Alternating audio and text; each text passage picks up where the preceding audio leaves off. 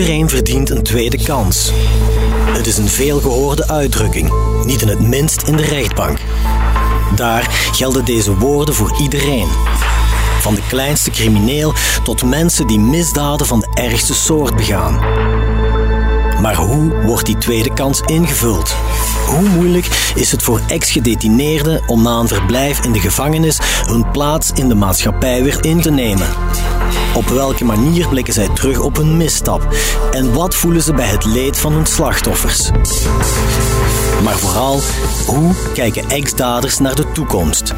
Mijn naam is Geert op Teinde en ik vraag het hen zelf in de Dadertapes. De tape van Jonas, deel 1. Een destructief huwelijk. Ik ben uh, Jonas, uh, ik ben 35 jaar en ik heb twee kinderen. Ik heb in het verleden uh, verschillende keren in de gevangenis gezet. Ik denk tot vijf keer toe. Voor verschillende feiten. Um, meestal ging het om kleine criminaliteit. Waardoor dat ik uiteindelijk toch een gevangenisstraf had van vijf jaar. Dit is Jonas. Althans, dat is een alias, want de nu 35-jarige man die sinds 2020 vrij is onder voorwaarden zit nog in zijn strafuitvoering. Hij wil zijn tot nu toe succesvolle terugkeer naar de samenleving niet in het gedrang brengen, vandaar de anonimiteit. Al doet die schuilnaam niets af aan het indrukwekkende verhaal dat Jonas u in deze driedelige podcast zal vertellen. En dit is waarom hij dat wil doen.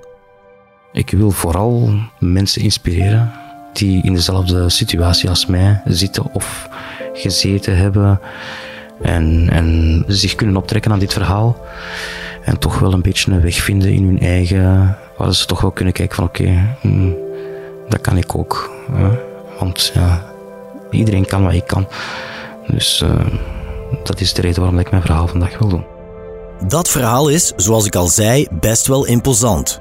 Het is het relaas van een onervaren jongen voor wie een wereld vol drank en drugs opengaat, wanneer hij op zijn achttiende met zijn vriendin gaat samenwonen. Die vriendin wordt al snel zijn vrouw en het huwelijk dat volgt is op zijn minst als destructief te omschrijven. Jonas en zijn vrouw drijven op drank en drugs. In plaats van spek en eieren staan er s'morgens flessen vodka en coke op het menu. Zijn turbulente huwelijk levert Jonas een zware alcoholverslaving op en de drankduivel eiste daarop volgende jaren een zware tol. Huiselijk geweld, slagen en verwondingen, diefstallen en valsheid in geschriften zijn schering en inslag. De politie grijpt meermaals in, maar het koppel is niet te stoppen. Wij baden in straffeloosheid. Niemand kon ons iets maken, zal Jonas straks getuigen. Maar in 2014 valt het doek. Alle criminele feiten van de voorbije jaren worden gebundeld en de rechter kan er niet mee lachen. Jonas krijgt ruim vijf jaar cel en die straf zal hij quasi volledig uitzitten. De twee zoontjes die hij kreeg samen met zijn vrouw zal hij al die tijd niet zien. En wat hij in de gevangenis meemaakt, omschrijft hij als niets minder dan de hel. En toch, vandaag is Jonas een succesvolle chef-kok in een Limburgs toprestaurant. Hij heeft een mooi appartementje en verkreeg het volledige hoederecht over zijn kinderen. Hoe hij dat succesverhaal heeft kunnen schrijven, vertelt Jonas graag zelf. Jonas, je hebt niet echt een Limburgs accent, hè? Van waar ben jij afkomstig? Ik ben uh, opgegroeid in de provincie Antwerpen. Ik kijk met heel veel nostalgie terug naar mijn jeugd. Ik heb een fantastische jeugd gehad. Uh, wij komen uit een gezin van uh, zeven kinderen. Uh, mijn papa heeft altijd gewerkt als camionchauffeur voor de groenten en fruit. Ja, dus dat waren altijd hele late uren, heel vroeg beginnen, heel hard gewerkt. We hebben ook ja, eigenlijk altijd alles gekregen naar eh, liefde, materiaal toe. Dus ik, ik zeg het, ik kijk echt met uh, enorm veel nostalgie terug naar mijn jeugd. En hoe is die jeugd verlopen? Wat kan je daarover vertellen? Ik was uh, vooral een heel sociaal kind. Uh, ook naar school toe. Allee, de resultaten waren altijd fantastisch. Ik deed uh, als hobby uh, zaalvoetbal, dat ik ook heel intensief uh, beoefende. Dus dat was drie keer per week training. Um, Eén keer match. Dus dat was al vier keer per week dat ik echt op mijn hobby zat. En ja, daarnaast was het vooral het schoolgedeelte, waar we, allee, daar werd toch wel heel streng op toegezien thuis. Dat dat echt wel oké was. Dat, moest echt, dat moesten we allemaal mee hebben. Mm Je zegt dat je met heel veel nostalgie terugkijkt naar je kindertijd. Welke kernherinneringen kan je je dan zo voor de geest halen? het warme, hè, vooral het warme gevoel uh, thuiskomen, dat familiale. Uh, dus heel close, uh, cozy in de winter, mooi aan tafel allemaal samen. ja, dat, zijn, dat zijn toch wel momenten die ik vandaag de dag nog steeds koester. Um, dat toch niemand mij nog ooit zal kunnen afpakken. Ik heb het gehad en, en ik vind dat fantastisch. En dat probeer ik nu ook voor mijn eigen kinderen wel mee te geven. En toen je ouder werd, zo rond je achttiende, hoe stond je toen in het leven? Eigenlijk is daar dan pas beginnen fout lopen. Op mijn achttiende verjaardag um, heb ik iemand leren kennen. Um, ja, dat toch wel uit een heel ander milieu kwam. Mhm. En ja, thuis waren ze daar helemaal niet mee gediend natuurlijk. Dat is ook zoiets van, oké, okay, uh, met onze zoon, we houden van u, maar blijf er van weg. Um, ga verder met je studies, je bent jong, je hebt nog een heel leven voor u. Maar dan het eigenzinnige en toch uh, doorgaan uh, in, mijn eigen, in mijn eigen wens en, en thuis gewoon vertrokken en met haar samen gaan wonen. En daar is dan eigenlijk uh, ja, de start van een heel ander leven geweest. Wat bedoel je daarmee? Op welke manier is het dan misgelopen? Dan was er geen tijd meer voor werk, studie, maar vooral voor feest, alcohol, drugs. Ehm, ja, een, leven dat ik totaal niet kende, dat voor mij ja, helemaal nieuw was.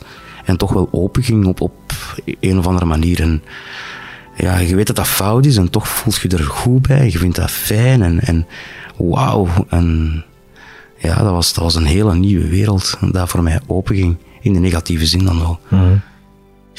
Je vertelde daarnet dat je een heel sociaal kind was, hè, dat je het goed deed op school en dat je in een warm gezin opgroeide. Hoe kan het dan, denk je, dat je je later zo hebt laten meeslepen? Ja, ik denk, ik denk uh, emoties, rationeel is iets uh, dat, dat onverklaarbaar is. Dat is, zo sterk. Dat kan zo sterk zijn dat je gewoon blind bent en, en gewoon blijft geloven van oké, ja, nee, dat is het gewoon. En, en, terwijl dat helemaal niet zo is achteraf bekeken uiteraard, hè, maar... Uh, ja, dat is toch wel uh, de grootste fout die ik in mijn leven heb gemaakt. Dat bekijk je vandaag zo op die manier natuurlijk. Maar als je nu terugkijkt naar die periode, kan je dan zeggen dat je destijds wel op een of andere manier gelukkig was met je vrouw en met het leven dat jullie toen hadden? Eerlijk gezegd niet. Helemaal niet. Eigenlijk niet, nee, want het was elke dag opstaan met een kater. Um, elke avond ja, drugs, seks en rock and roll, dat was, dat was gewoon het, bestaan toen. Um, familie uit uw, uit uw leven proberen te bannen, afstand nemen, vermijden. Uh, geen hart ook meer. Je hebt geen hart, geen emoties meer. Je kan je emoties ook niet meer uitdrukken. Dus dat is het enige waar je aan denkt. Dus ja, ik zeg het. Uh, feesten, alcohol, drugs en leven van dag tot dag. Dus er was geen, geen doel meer, er was geen... En dat gaat, ja, stuk bij stuk knaagt dat uw leven gewoon helemaal kapot. En, en voordat je het beseft is te laat natuurlijk. Ja, je zei net dat je ouders je op voorhand meermaals hadden gewaarschuwd hè, voor die destructieve relatie. Maar had je dan in die periode nog contact met hen?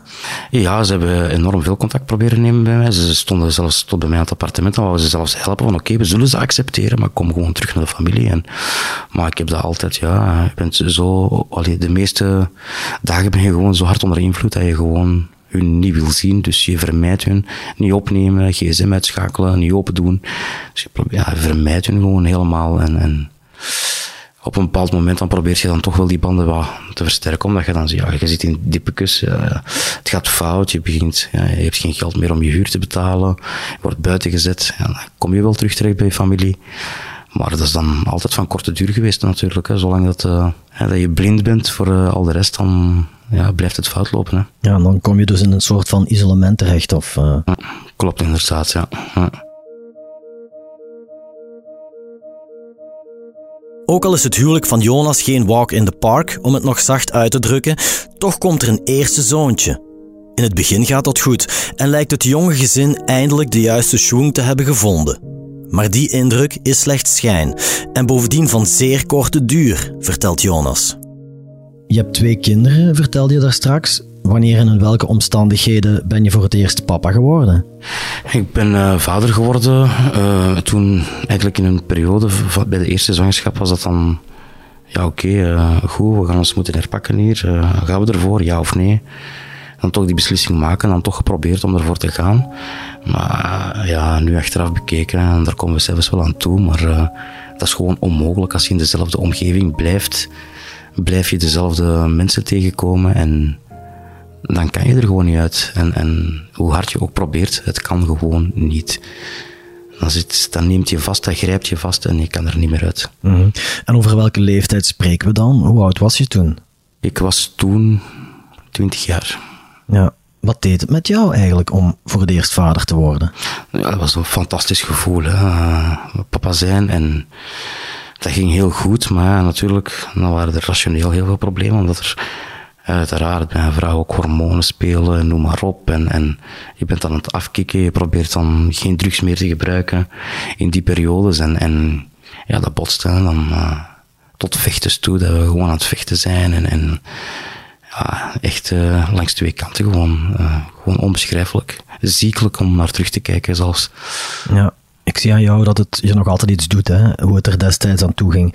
Zeker met de kinderen die dan in de buurt waren. Ja, uiteraard. Dus het is uh, alleen vandaag de dag leven de kinderen volledig bij mij. Dus ik heb het volledige goedrecht. Ze wonen en leven hier volledig bij mij. En het gaat ja, gewoon fantastisch hoe dat het wel kan en hoe mooi het leven kan zijn op deze manier. En dat is gewoon, ja, dat is, uh, ja, dat is toch wel een heel moeilijk, uh, een heel moeilijk ding om over te spreken voor mij ook. Mm, Oké. Okay. Er kwam ook een tweede kindje. Wanneer was dat en hoe was jouw gezinssituatie toen? Dat was dan uh, twee jaar later. Ja, toen was het al helemaal ontspoord. Uh, ook ja, de, de, de bevalling zelf was dan weer wel goed. In een korte periode dat dan wel goed gaat. Gelukkig door toch wel ja, de enorme inspanningen en steun van de familie. Die mij toch altijd zijn blijven steunen. En dat, allee, dat, dat zal ik ook nooit vergeten natuurlijk. Zonder hun had ik hier vandaag ook nooit gestaan. Uh, maar ja, toch wel altijd zelf, uh, ja, als ik het cru mag zeggen, verkloot. Hè. Uh, altijd zelf terug eigenhandig verpest gewoon door de ruzies naar buiten gaan, beginnen zuipen, beginnen snuiven, beginnen roken, beginnen doen. En ja, terug in diezelfde visieuze cirkel terechtkomen. De vicieuze cirkel waarover Jonas spreekt, is stilaan niet meer te doorbreken. Wat begonnen is als een feestleven mondt uit in een loodzware alcohol- en drugsverslaving. En waar drank en drugs zijn, is vaak ook geweld. Veel geweld.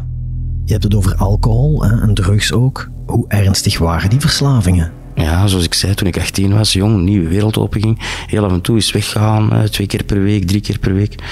Maar uiteindelijk komt dat gewoon in je eigen huiskamer binnen en is dat gewoon een dagelijkse een dagelijkse kost, zoals dat u elke dag opstaat en u ontbijt nodig hebt. En is dat gewoon juist hetzelfde.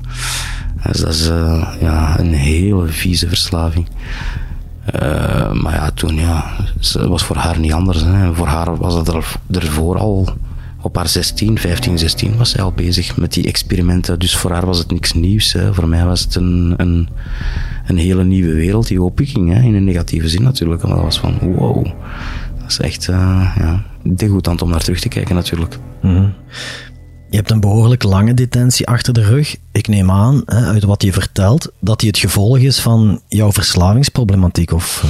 Uh, enerzijds wel, en, en anderzijds ook gewoon uh, zoveel ruzies maken thuis. Uh, dat je ja, buiten gaat, agressief, het wordt zwart voor je ogen gewoon. En slagen en verwondingen begint te doen, mensen begint te amputeren, diefstallen doen, noem maar op. En, en, en ga door en ga door. Echt, ja verschrikkelijke dingen, uh, verschrikkelijke dingen gewoon. Ja, maar we spreken dus in de eerste plaats over huiselijk geweld. Ja, ja, ja dus daar begin het. Hè. Thuis uh, begin, dat kan om iets heel banaals gaan, hè, om een afstandsbediening. Ik zeg maar iets als voorbeeld, uh, als iets veel groters. Maar dat kan dan zo, ja, we triggerden elkaar zo erg dat je ja, gewoon thuis niet meer kon blijven. Dan was dat ja, kwaad vertrekken en, en dan neem je natuurlijk die, die uh, emoties mee naar buiten op de straat en en dan werk je dat uit op, op uh, ja, uh, materialen van buiten, mensen die buiten rondlopen, diefstallen, ja, en zo verder. Ik neem aan dat de politie dan ook regelmatig tussen beiden is moeten komen. Hè?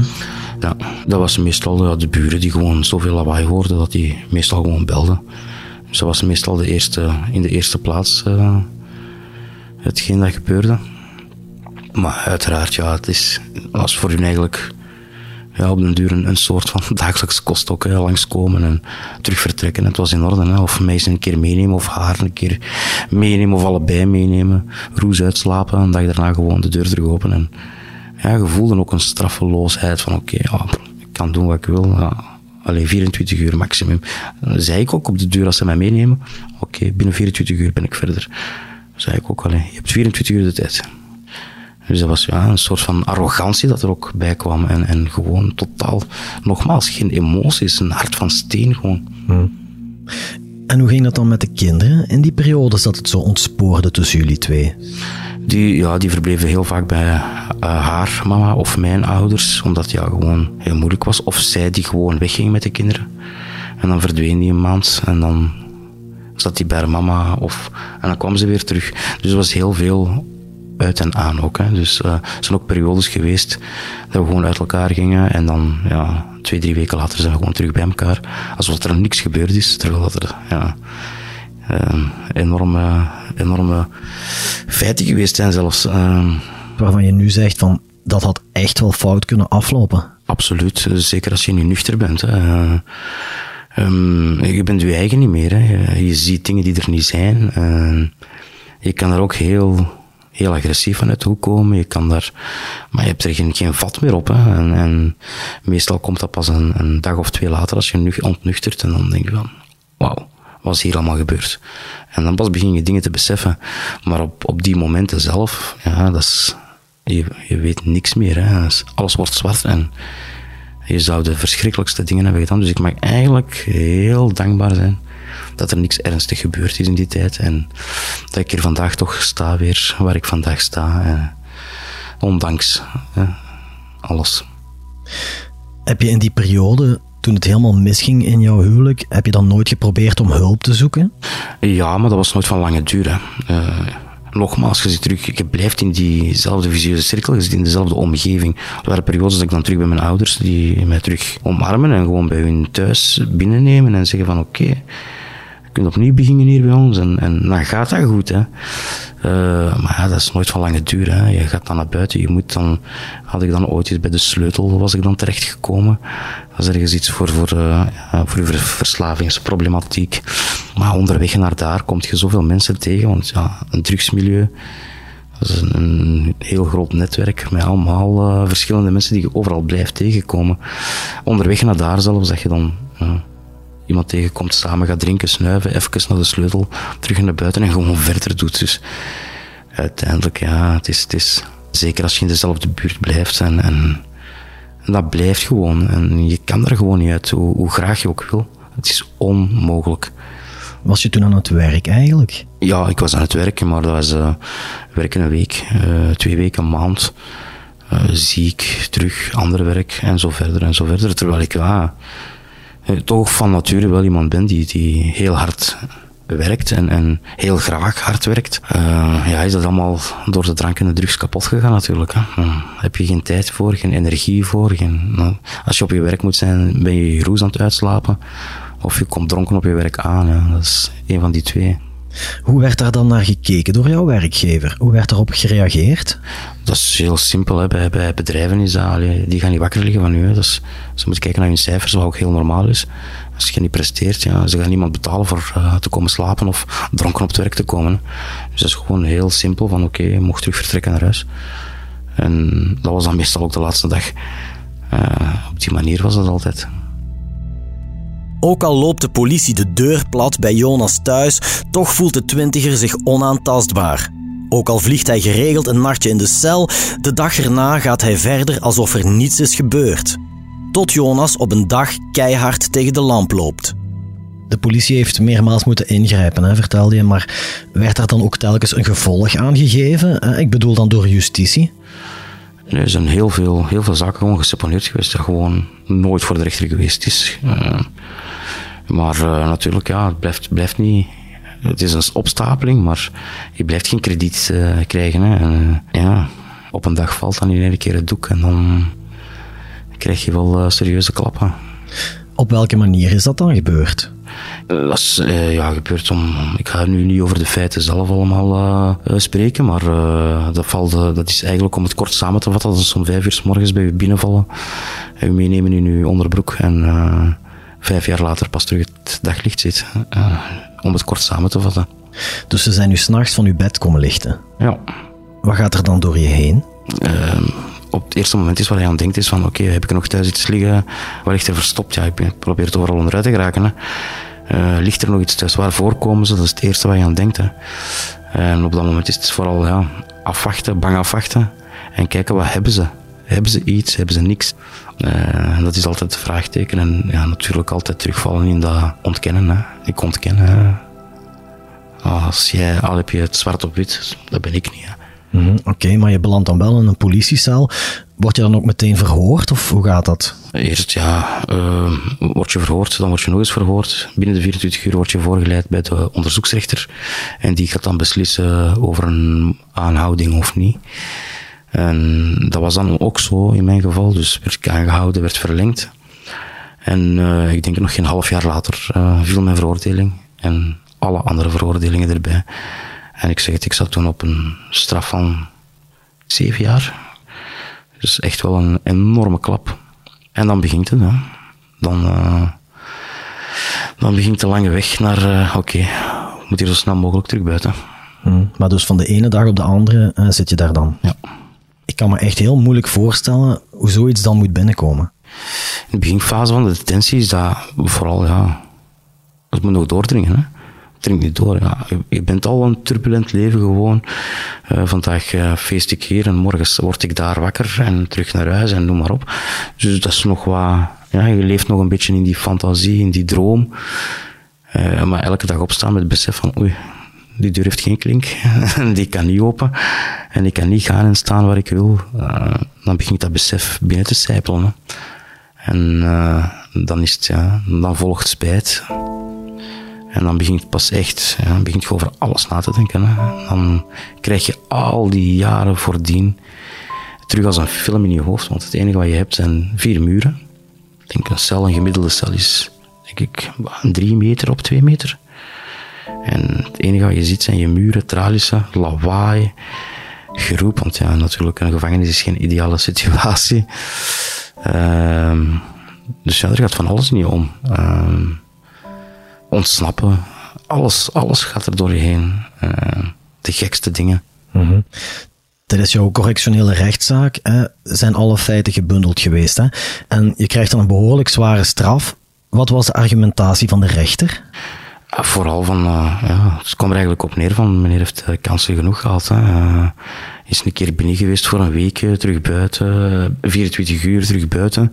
Het is genoeg geweest, het moet ergens stoppen. Je hebt kansen genoeg gehad, je hebt alle kansen aan je laars geveegd en, en je hebt gewoon een gevaar voor de maatschappij, punt. En je moet gewoon binnen en ik ga uitstraffen. Dus is eigenlijk gewoon de procureur gevolgd in de zware straf.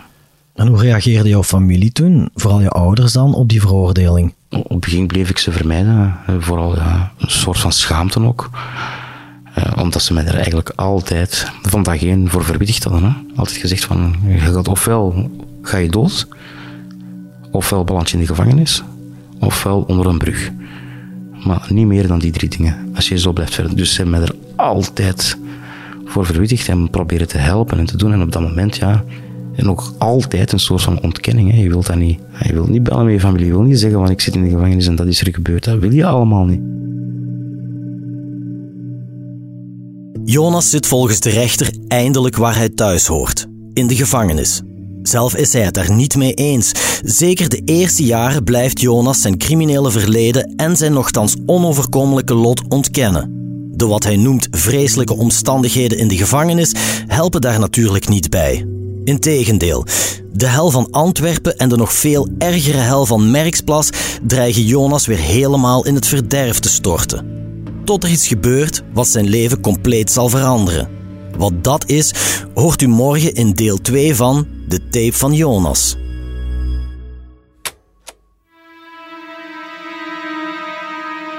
De Dadertapes is een podcastreeks van het Belang van Limburg, gemaakt door Geert op Teinde. De montage en audioproductie worden gesuperviseerd door Len Melot. Cato Poelmans coördineert, samen met chef podcast Geert Nies. Bedankt voor het luisteren. En hebt u een vraag of wil u reageren? Stuur dan een mailtje naar podcast.hetbelangvanlimburg.be Benieuwd naar wat er in de wereld gebeurt en wat dit juist betekent voor onze provincie? Ontdek onze voordelige leesformules op hbvl.be voordelig.